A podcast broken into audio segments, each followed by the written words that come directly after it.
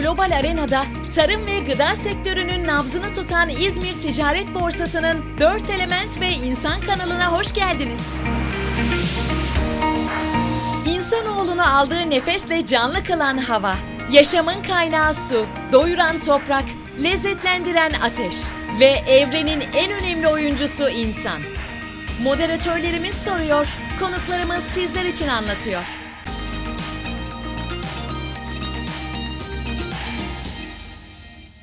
Merhaba, ben Bahar Akıncı. Seyahat yazarı ve mutfak araştırmacısıyım.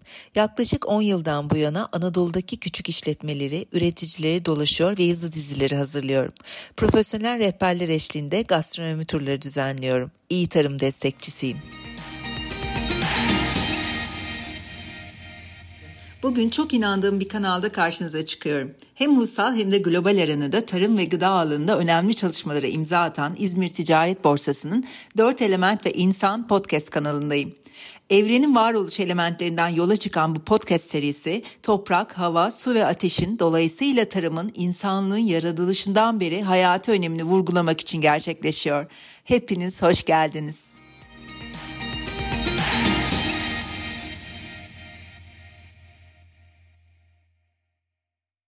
Hepiniz hoş geldiniz. Bugün konuğum tam da bu konunun iyi gıdanın, temiz tarımın, temiz gıdanın ekseninde yer alan Big Chefs markasının kurucusu ve yönetim kurulu başkanı Gamze Cizreli.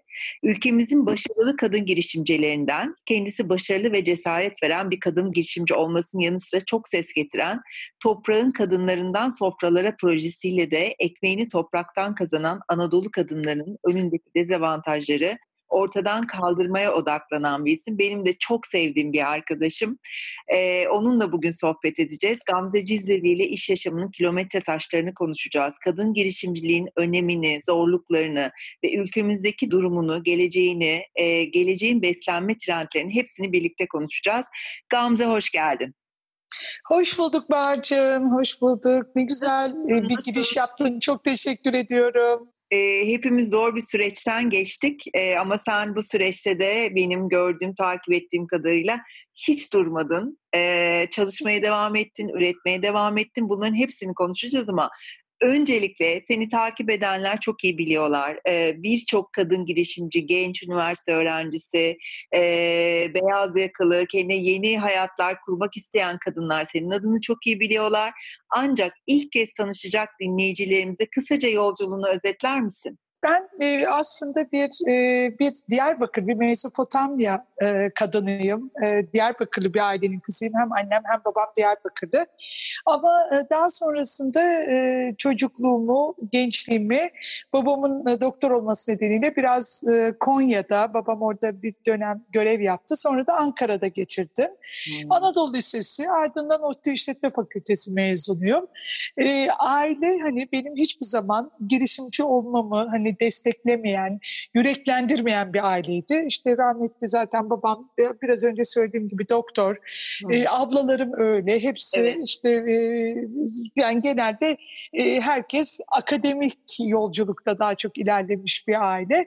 E, ben de tabii mezuniyetimde hep benim de mezun olduktan sonra devlete girmem, Merkez Bankası'na girmem, hazineye girmem ve bürokrat evet. olmam ve orada Orası güçlü bir okul yani çok güçlü bir üniversite ve e, dediğin gibi e, ODTÜ mezunlarından hep biz böyle çok e, parlak kariyerler bekliyoruz ama sen, evet. sen kendi parlak kariyerini yarattın. Bu da çok muhteşem bir şey. Aslında parlak kariyer mi bilmiyorum ama tabii yani e, babamın deyimiyle çay çorba satmaya başladım. Hani öyle o hiçbir zaman memnun olmadı benim bu yolculuğumdan rahmetli ama e, evet yani ben okulu bitirdim. Herkes gibi ben bütün gençlere de aslında burada beni dinleyen e, gençlerimize özellikle bu öneride bulunmak istiyorum. Herkes diyor ki okulu bitirir bitirmez hemen girişimcilik yolculuğumuza acaba başlamalı mıyız diye. Ben bir süre e, profesyonel kurumsal hayatı denemenin çok daha faydalı olacağına inanıyorum. E, özellikle başkasının parasıyla biraz deneyim kazanmanın da çok daha iyi olacağını çok düşünüyorum. Doğru. Çok doğru. Onun için ben de bir iki buçuk üç yıl belki bu sektörde değil bambaşka bir sektörde bir savunma sanayi sektöründe ben de bir üç yıl kadar e, bir kurumsal hayatı deneyimledim ve aslında o süreçte kendime çok uygun olmadığının da farkına vardım. Benim hayallerimin çok farklı olduğunu anladım. E, o çocukluğumdaki o kocaman kazanlarda pişen yemeklerin, e, o büyük sofraların, uzun sofraların her zaman benim hayalim yani böyle bir işi yaparsam ne kadar mutlu olacağımı zamanla görmeye başladım ve e, akşamları part time bir restoranda çalışmaya başladım. İşte bu Harika. biraz önce söylediğim konu. Yani ilk önce e, girişim yapmak, girişimde bulunmak istediğiniz sektör neyse gidin orada biraz çalışın size uygun olup olmadığını anlayın. Yapıp yapamayacağınızı anlayın. Yetenekleriniz kendinize bir ayna tutuyorsunuz o şekilde. Ben aşağı yukarı 8-9 ay kadar gündüzleri bu kendi profesyonel çalışma hayatımda şirkette çalışırken akşam da o restoranda garsonluktan hostesliğe pek çok işi yaptığımda ne kadar e, keyif aldığımı, hiç yorulmadığımı, fark ettim ve benim de karakterime, hayallerime çok uygun olduğumu anlayarak o şirketlerin istifa ettim ve 1993 yılında eski ortamla birlikte Ankara'daki ilk kafeyi açtık. Kafemiz küçücük evet. Arjantin Caddesi'nde. Bilenler bilirler. Ki evet. orayı e, ben evet. e, şöyle söyleyeyim 98 yılında üniversiteye, e, pardon 99 yılında üniversiteye başladım Aha. ve e, e, bir sürü arkadaşım da Bilkent'te okuyordu, e, Ankara'da okuyordu, kuzenim ODTÜ'deydi. Herkesin konuştuğu Ankara'dan gelen Ankara'da evet. var mutlaka gitmelisin. Çok tatlı bir yer diye. E, seni ilk evet. görüşüm o zamana denk gelir benim de. Evet evet. Tabii tabii. Çok bayağı Ankara için önemli bir mekandı o. İlk defa bir kafe konsepti. Tabii 93 yıl yani 27 yıl olmuş şaka evet. yani şimdi geri dönüp baktığımızda. Sonrasında Cookie diye bir pastane markası yarattık. Sonra bir Asya e, mutfağı yarattık. Yine böyle yeni bir marka Quick China diye. Yani Ankara'da çok keyifli, güzel mekanlar evet. yarattık. Ankara'nın sosyal hayatını epey değiştiren, geliştiren. E, 2005 yılına kadar bu böyle sürdü. Fakat hani hayat hep böyle yukarı çıkan bir çizgide gitmiyor. E, her zaman basamakları çıkmıyorsunuz. Bazen böyle bir basamakları hatta böyle yuvarlanarak indiğiniz süreçler de oluyor insan hayatında. Hayat böyle işte iniş çıkışlarla dolu. Ee, bizde de işte biraz özel hayatımızda işte eski ortamla aynı zamanda işte hayatlarımızı da birleştirmiştik. İki tane de oğlumuz olmuştu. Sorunlar yaşamaya başladık ve yollarımızı ayırmaya karar verdik. Tabii o süreç çok kolay olmadı. Çünkü evet. işler çok iç içeydi yıllarca hem hayat ortaklığı hem iş ortaklığı çok kolay değil. E, sancılı bir sürecin sonunda e, benim e, ikinci e, hayat dönemim diyorum ben ona. ikinci girişimcilik dönemim. Hayatı biraz sıfırladığım bir dönem. İstanbul'a ee, onunla, İlk önce İstanbul'a taşınmadım. İlk 2007 Ankara'da Big Chefs'i kurduğum zaman o. Tamam. Evet. İlk önce bu bu bu yolculuk Ankara'da başladı. İşte benim banka kredisi alarak e, tamamen banka banka gezerek Big Chefs konseptini kafamda kurduktan sonra işin finansmanını arıyorum çünkü hiç param yoktu. İşte sonunda bir bankayı ikna ederek bazen e, gençler bana diyorlar ki çok iyi bir fikrimiz var ama nereden parayı bulacağımızı bilmiyoruz, nasıl yapacağımızı bilmiyoruz. Yani iyi bir fikriniz varsa parayı buluyorsunuz. Ki benim bu işi yaptığım dönem bakın 2007, 13 yıl önce o zaman böyle melek yatırımcılık yoktu. Kredi garanti fonundan krediler yoktu. Ee, yani paranı parayı bulmak daha zordu o yıllarda. Doğru. Ve Türkiye'deki bankacılık sistemi de herkesin bildiği üzere tamamen teminata, ipoteğe dayalı bir kredi sistemi. Benim de o zaman gösterecek hiçbir ipoteğim, hiçbir şeyim de yoktu. Ve tamamen bir bankanın e, önce krediler bölge müdürü olan e, arkadaşım da ODTÜ'den e, onunla birlikte bir banka genel müdür yardımcısının ardından da bir özel bankanın genel müdürlüğünün ikna ile alınmış bir krediyle kuruldu bu Big Chefs öyle diyeyim. Harika. 2007'de. E işte 2007 ilk Big Chefs Ankara 2009'a kadar İstanbul'a gelişe kadar Ankara'da 4 şube, ardından 2009 Kasım İstanbul'daki ilk Etiler'de o köşedeki e, evet. Big Chefs. Evet. evet herkesin bildiği evet, evet. o köşe meşhur dükkanımız. Evet. Ardından işte hızlı bir büyüme süreci 2014'e kadar Türkiye'de iyi büyüdük. Sonra 2014 ilk Dubai şubesi, 2016 bir yabancı yatırımcı fonuyla olan ortaklık. Ardından işte bugün Frankfurt'ta başta e, olmak üzere 10 tanesi yurt dışında, e, 55 tanesi Türkiye'de olmak üzere 65 tane şubemiz var. İşte 2870 adette çalışanımız var. O şekilde sen, yolumuza devam ediyoruz. Ya, sen anlattıkça benim e, ben gurur duyuyorum böyle şeylerin ah, oldu sen anlattıkça gerçekten e, müthiş bir şey. Bu arada e, çok güzel ödüller de aldığını biliyorum. Yılın kadın evet. seçildiğini biliyorum. Çok kısa onlardan da bahseder misin bize? Evet. İlham veriyor çünkü evet, kadınlara. Evet o çok önemli. Yani 2010'da ben İstanbul'a geldikten sonra işte ilk açtık arka arkaya şubeler açmaya başladık. O zaman e, Garanti Bankası'nın Ankara'daki şube müdürü demişti ki ya bu e, Ekonomist dergisi Kagider ve Garanti Bankası ortak bir kadın girişimci yarışması Türkiye'de evet. düzenliyor Gamze Hanım. Ben size de aday göstermek istiyorum. Benim ilk ödülüm e, işte bu Kagider'in e, ve Garanti Bankası Ekonomist İşbirliği ile olan yarışmada Türkiye birinciliği olmuştu. Harika. Ve o tabii çok iyi bir şey oldu. Çünkü sonrasında Garanti Bankası ile birlikte Anadolu'da bir roadshow'a çıktık. Pek çok şehirde oradaki kadın girişimci adaylarıyla buluştuk. Onları yüreklendirdik. Aslında hani sermayem yok, arkam yok, kimsem yok demeyin. Hani yola çıkın, yola çıkınca ve doğru bir iş modeliniz varsa kapılar açılıyor onu anlattık kendi örneğimle birlikte. Ardından Ekonomist Dergisi'nin Yılın İş İnsanları yarışmasında e, 2000 e, hemen bir sene sonra Yine yalın kadın girişimci seçildim. Aynı yarışmada iki sene sonra tekrar beni seçtiler. Bu anketle düzenlenen bir şey iş insanları arasında. Yani üç kere ekonomistin yılın iş insanları yarışması Harika. Türkiye birinciliğim var. Evet sonrasında işte bir de en son Birleşmiş Milletler'e gittim işte bu geçtiğimiz evet, e, evet. evet Eylül ayında 2019 Eylül'de. Orada da bu belki birazdan konuşuruz da benim en heyecan duyduğum projemiz bu toprağın kadınlarından sofralara sonra e, projemizi anlatmaya gittim. Çünkü Birleşmiş Milletler bu projeyi e, bir best practice olarak e, seçti. Uygulanabilir e, kırsal kalkınma ve kadının güçlenmesi için olan bir proje olduğu için. E, onu gidip anlattım. İşte bir yandan bu iş yolculuğum devam ediyor Bahar'cığım. Bir yandan nasıl sosyal fayda sağlayabilirimin peşindeyim. İşte böyle bir hayat yolculuğu ya, devam e, ediyor. O kadar, o kadar tatlı tatlı anlatıyorsun ki hani şey gibi sabah kalktım işte yum, iki yumurta çırptım. Ondan sonra e, yürüyüşe çıktım falan ama bu, bu anlattıkların hani Birleşmiş Milletler o bu vesaire inanılmaz gerçekten çok e, hayranlıkla e, takip ediyoruz. Ah, teşekkür ederim. Hemen, çok versin sağ olun. Hemen bahsettiğin konuya dönüyorum. Toprağın Kadınlarından Sofraya projesi, Sofralara projesi. Evet. Ben ilk lansmanında da e, oradaydım ve çok e, etkilenmiştim. Yerel kadın üreticilerin ekonomik ve sosyal kalkınmalarına destek olmak için e, yaratılan çok kıymetli bir proje. E, sadece Big Chefs için değil, ülkemizin kadınları ve kadın üreticileri için de proje fikri nasıl çıktı ortaya Gamze? Ben tabii bu kadın girişimciliğindeki biraz da rol model oluşum ve bunun ne kadar önemli. Çünkü kendim de o zor yolculukta çok zorlandım.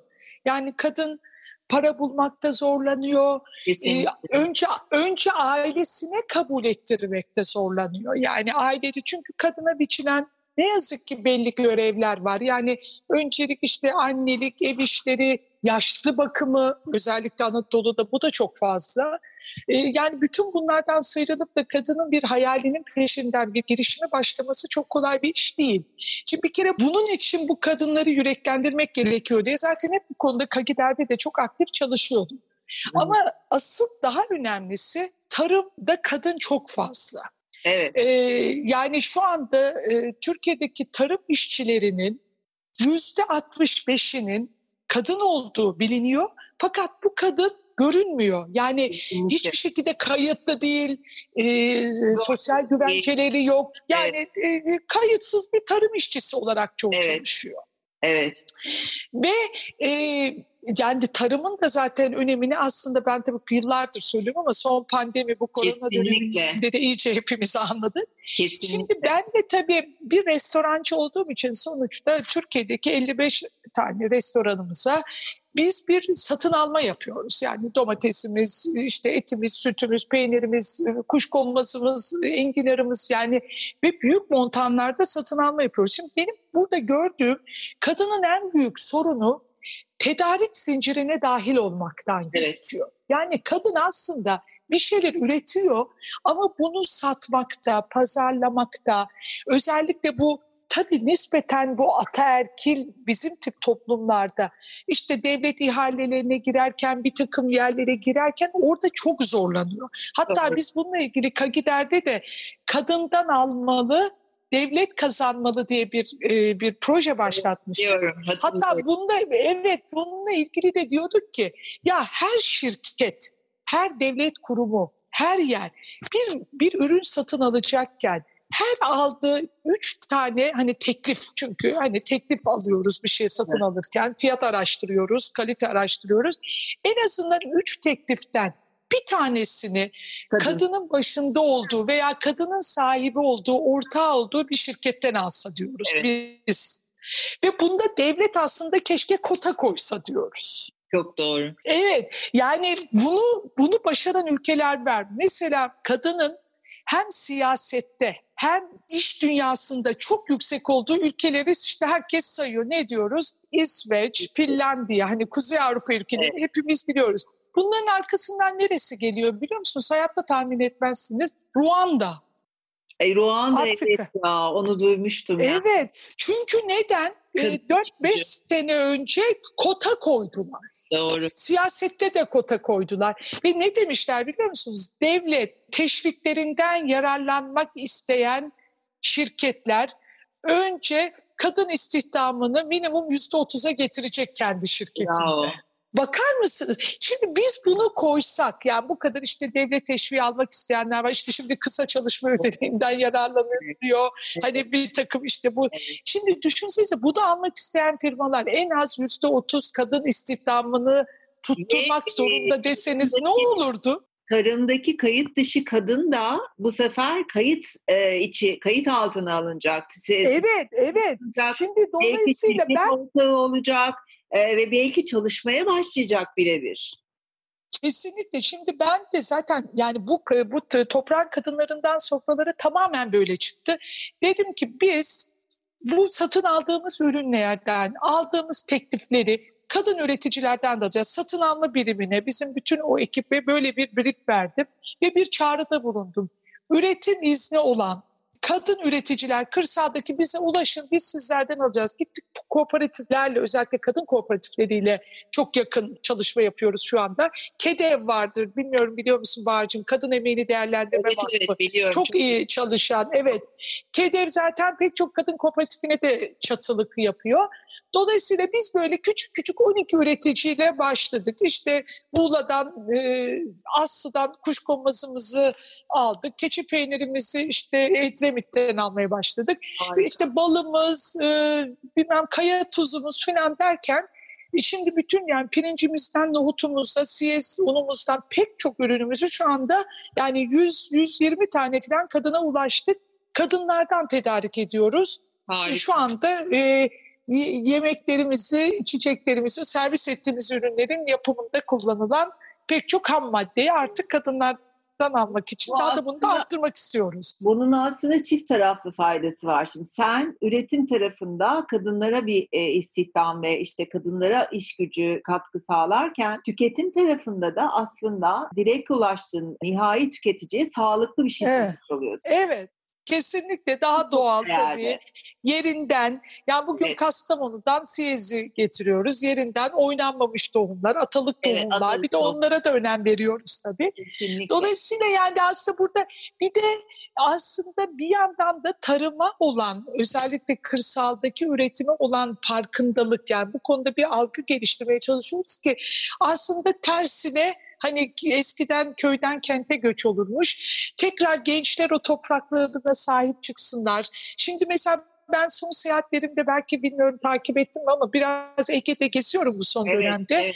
E, ve görüyorum ki e, böyle kurumsal hayatı denemiş ve sonradan e, baba, dede, ana topraklarına geri dönüp orada bir şeyler yapmaya çalışan katma değerli turizm faaliyetleri yapmak isteyen çok güzel gençlerle karşılaştım. Köylerde o Bergama'nın e, bir köyünde veya işte Ayvalık'ın Ayvalık'a Evet. yakın Altınova'da Evet. şahane yerler gördüm ve seviniyorum bunları gördükçe. Onlar da diyorlar ki Gamze Hanım sizin yaptıklarınız sizler de bizi teşvik ediyorsunuz. Yani kırsala, köyümüze, toprağımıza sahip çıkalım istiyorum çok.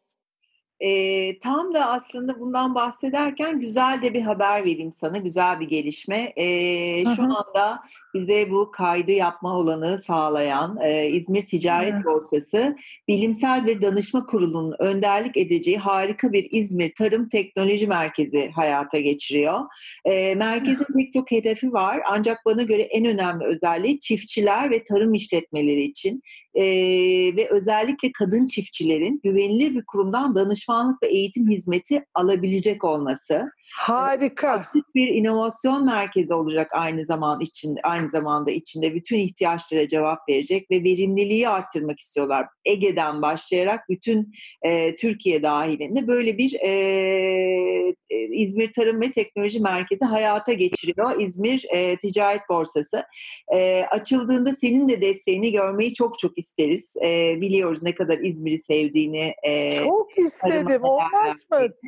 E, Tabii. İnşallah e, açılışında, açılışından sonra birlikte de e, köylere gideriz. Kadınlarla, kadın çiftçilerle birlikte oluruz. E, kadın çiftçilere, Türkiye'de iyi tarım yapmak isteyen kadınlara Gamze Cizreli'nin önerileri ne olur? E, onu da sana sorayım ve sonra son bir soruyla bitirelim. E, ya şimdi ben bunu hep bana da bunu hakikaten soruyorlar. Ee, şimdi tabii ki tarım bütün dünyada her şeyde olduğu gibi bu konuda da özlere sahip çıkmak kaydıyla farklı düşünmeye ve yenilikçi olmaya da ihtiyaç var. Yani e, tarımda da bir inovasyona giderek farklı düşünerek farklı ürünler yaratabilmek lazım. Çünkü dünyadaki Bravo. beslenme trendleri de çok değişiyor. Hatta ben diyorum ki yani artık hani bu e, klasik özellikle bu kadın kooperatiflerinin tarhana, erişte, reçel vesaire hani bütün bunlardan artık çıkmamız evet. gerekiyor. Veya reçel de üretiyorsak daha sağlıklı şeker miktarı az üretelim. Yani artık dünyada işte e, süper foodlar çıkıyor. Evet. Kinoa diye bir ürün evet yoktu. Kaç sene son 5-6 yıldır mutfaklarımıza girdi. En, en mutlu olduğum şey kuşkonmazın Türkiye'de yetişmesi. yetişmesi. Evet. Mesela. Kesinlikle. Yani ham ürüne odaklanmaktan ziyade katma değeri olacak ürünlerle kazancı arttırmak gerekiyor. Bravo. Bu çok önemli. Yani evet şimdi bugün Türkiye domatesi daha çok ham olarak ihraç ederken domatesli sosları biz daha çok yurt dışından ithal ediyoruz. Doğru. Yani bir, bir, bunu bir bütün olarak düşünmek lazım. Tabii ki dijitalleşmeyi hayatımıza mutlaka dahil etmek lazım. Yani burada herhalde tabii İzmir Ticaret Borsası'nın altındaki bu ekipler özellikle veya e, zir, ziraat odaları, evet. tarım il müdürlüklerinin de bu konuda ben yeni çalışmalar yaptıklarını görüyorum. Evet. E, artık hani bunun sadece üretmek değil, bunun pazarlanması ve katma değerli olarak pazarlanmasını ben çok mesela şimdi geç, geçen gün okudum. Aslında bu hikayeyi bilmiyorum biliyor musun ama bir tane Tanya Schenker diye bir İsviçreli tasarımcı var. Hı-hı. Elma üreticileriyle birlikte bir işbirliği yapıyor. Aslında bu bir çanta üreten bir kadın. Aa. Şimdi hayvan derisi kullanmak yerine çantasında deri olarak elma kabuğunu kullanıyor. Aa, aslında hem üreticiler aslında bu bir yandan sıfır atık işine de tabii evet. hizmet ediyor. Yani zayi olacak elmaları aslında değerlendiriyor. Elma atıklarından hani böyle bir şey yapıyor ve düşünsene aslında çift taraflı bir şey. Bir, Hemen yani bakacağım. Bunlara böyle farklı bir bakış açısı gerekiyor artık bu aşamadan sonra. Çok ben doğru. pek mesela şimdi hani bunun en iyi örneğini hep kendi içimizde de çok konuşuyoruz. Hani bu fındık dünyanın fındık gereksiminin yüzde yetmiş beşi, ihtiyacın yüzde yetmiş beşi Türkiye'den gidiyor. Doğru. Çok e, yani bu pandemi öncesi geçtiğimiz yıllarda işte 3 milyar dolarlık fındık ihracatımızın olduğu hep söyleniyor. Biz de bununla gurur duyuyoruz. Fındık, evet. Fındığın ülkesi ana yurdu diye. Ana yurdu diye. Ama düşünsenize yani biz 3 milyar dolar e, sattığımız fındığın pek çoğunu da bu hepimizin bildiği, benim de bayılarak yediğim bu Nutella'nın üreticisi olan Ferrero şirketi alıyor bizim evet. fındığımızın çoğunu. Düşünün o katma değerli işte bir fındık kreması yapıyor. Onun yanında birkaç çikolata yapıyor ve bizim 3 milyar dolarlık ihracatımızda sevindiğimiz şey de aynı yıl o 11 milyar dolar evet. sadece. Daha yani, yeni, daha yeni bunu konuştuk. Çok sevdiğim bir evet. e, gıda mühendisi arkadaşımla. Evet işte dolayısıyla hani birazcık daha ben hem kadınlarımıza hem bu kadın erkek aslında ayırt etmeden tarım e, çalışmalarına başlayacak olanlara mesela ben biraz ben de araştırdım tarımı e, e, otlar bu yeni herbal hani herbal, e, evet. sağlıklı besin mesela onların Türkiye'de çok çok ihtiyaç var onları üretmeye çok. diye çünkü onlar hem çok pahalı hem yeteri adette üretilmiyor hala arz talep dengesinde e, büyük sorunlar var. Bana göre mesela ceviz, cevizi de çok ithal ediyoruz. Yani ceviz e, bana göre çok değerli ve çok superfood. Her geçen sene tüketimi artan bir ürün. Yani birazcık tüketim trendlerine bakarak önümüzdeki süreçte dünya neleri tüketecek, neleri yiyecek, işte antioksidan seviyeleri ne durumda daha bunları da gözeterek ve katma değerli ürünler üretmeye odaklanarak ve dijitalleşmeyi ve teknolojiyi de bu işin içine. Çünkü bunu tek başına yapamazsınız. Hani ben hep söylüyorum ya Yunus Emre'den. Hani bölünürsek yok oluruz, bölüşürsek tok oluruz. Çok olur. Bir, birkaç kişi bir araya gelerek, kooperatifleşerek de bence çok daha büyük e, değerler yaratabilir diye düşünüyorum. E, tam ürünlere girmişken aslında çok da güzel bir e, konuya değindin. E, birincisi ben e, yeniden anneannemizin geleneksel sofralarına, mutfaklarına dönmemize evet. e, gerektiğini düşünüyorum. Çünkü bütün bu işte pro, psikolojik sorunların, e, zihinsel hastalıkların, bedensel hastalıkların, pandemide aldığımız kiloların ve sonrasında da pandemi öncesinde de gelen bir sürü sorunun aslında sebebi endüstriyel beslenme. Biz yeniden e, geleneklerimize döndüğümüzde, anneannemizin mutfağına döndüğümüzde aslında hepsinin hızlı bir şekilde kaybolduğunu ve zihnen, bedenen, ruhen iyileşmeye başladığımızı göreceğiz. Burada da ürünler, ürün bazında e, inovasyon çok e, ön plana çıkıyor ve benim en son dönemlerde uğraştığım, ilgilendiğim, araştırdığım konulardan biri de coğrafi işaretli ürün. Evet. E, İzmir'den de çok güzel haberler gelmeye başladı. Örneğin Urla Sakız Enginarı İzmir Ticaret Borsası'nın çabalarıyla coğrafi işaret aldı. Şu Harika. an Bornova Kınalı Bamyası'nın coğrafi işaret çalışmaları e, sürüyor. Bu konuda da İzmir Ticaret Borsası'na buradan teşekkür etmek istiyorum. Siz menülerinizi zannediyorum yer, haber. yer veriyorsunuz e, değil mi şeye coğrafi işaret? Evet çok çok tabii bizde çok önemli yani tabii coğrafi işaret e, bir biz bugüne kadar yani son yıllarda tabii çok arttı ama çok gecikilmiş bir Evet, işte zaten aynen. çok sevindim. Çok ben çok çok, büyük bir gelişme bu. Ee, Harika. Ve bu konuda da Anadolu'da da çok büyük bir potansiyel var. Aynı zamanda Anadolu'da ülkemizin yeme içme sektörünün geleceği konusunda da çok büyük bir potansiyel var. Özellikle Anadolu kadınlarının bu alandaki potansiyellerini e, sana sormak istiyorum. E, yeme içme alanı, yeme içme sektöründe Anadolu geleceğin yıldızı olabilir mi? Kesinlikle, kesinlikle yani çünkü o kadar her yöremizin o kadar farklı lezzetleri var ki yani bizim Güneydoğu'ya gittiğinizde bambaşka baharatlarla, bambaşka ürünlerle e, Ege e, tamamen daha böyle sebze ağırlıklı, zeytinyağı ağırlıklı. K- Karadeniz'e çıkıyorsunuz başka, Güney başka, Orta Anadolu'da çok özel lezzetlerimiz var. Ben yani e, Anadolu mutfağı ben geleceğin yıldızı olacağını düşünüyorum. Ben bunu çok öncesinden... Evet. E, çok önceden fark etmiştim. Yani bir kafe evet. mutfağı olarak kuru işte sumaklı kuru patlıcan dolmaları hani evet. sumak ekşili ilk defa menülere işte Adana'nın evet. bir takım lezzetlerini falan hep koymuştum. Ben kendim de bir Anadolu kadını olduğum için Anadolu mutfağının önümüzdeki süreçte hatta başladı bile yıldızı olacağını düşünüyorum. Onun için de ben diyorum ki aslında Anadolu'dan pek çok kadınımız Evlerde harika yemekler yapıyor. Ee, Kesinlikle. Bunu daha katma değerli bir işe dönüştürmek, aile bütçesine katkıda bulunmak, gelen ziyaretçilere hatta bunun bir turizme yani iç turizm, dış turizm, şimdi dış turizm belki bu pandemiden dolayı biraz sekteye uğrasa da evet. mutlaka bir süre sonra tekrar başlayacak. başlayacak ee, yani o yemeği artık insanlar bir yemek yemeye kilometrelerce yer, kilometrelerce yol kat ederek gidip onu yemek istiyorlar. Artık evet. yemek bir deneyim, bir keyif, karın doyurmanın ötesine geçti. Bu bütün dünyada son yıllarda tabii çok yükselen bir değer. Onun için ben Anadolu kadınlara diyorum ki evlerinizde yaptığınız o güzel lezzetleri e, birlikte güzel e, restoranlar açın, küçük yerler açın, onları sunun, onları tanıtın. Bunun hem sosyal misyonu var hem de ekonomik bir e, değer olacak diye düşünüyorum. Kesinlikle. Yeter ki engelleyen karşı çıkan birileri olmasın ama olmalar bile kadınlarımız onları da aşar diyoruz. Gamze sana çok evet. teşekkür ediyorum. Ee, her seferinde seninle yaptığım her sohbette ilham alıyorum. Kendime e, ah. çıkartıyorum. Teşekkür ederim. Ben de öyle Bahar'cığım. Ben de öyle. Çok teşekkür ederim. Senin de harika yaptıkların, tanıtımların çok paha biçilmez. Çok teşekkür ederim. Ülkemiz için, evet kadınlarımız için.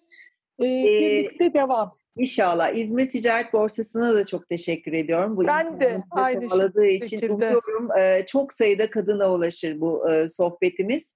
E, sana sevgilerimizi gönderiyoruz ve en kısa sürede İzmir'de Tarım Ticaret Merkezi'nde buluşmak üzere. Seve seve, seve seve. Ben de teşekkür ediyorum. Herkese sevgilerimi gönderiyorum. Güzel bir gün Çok teşekkürler.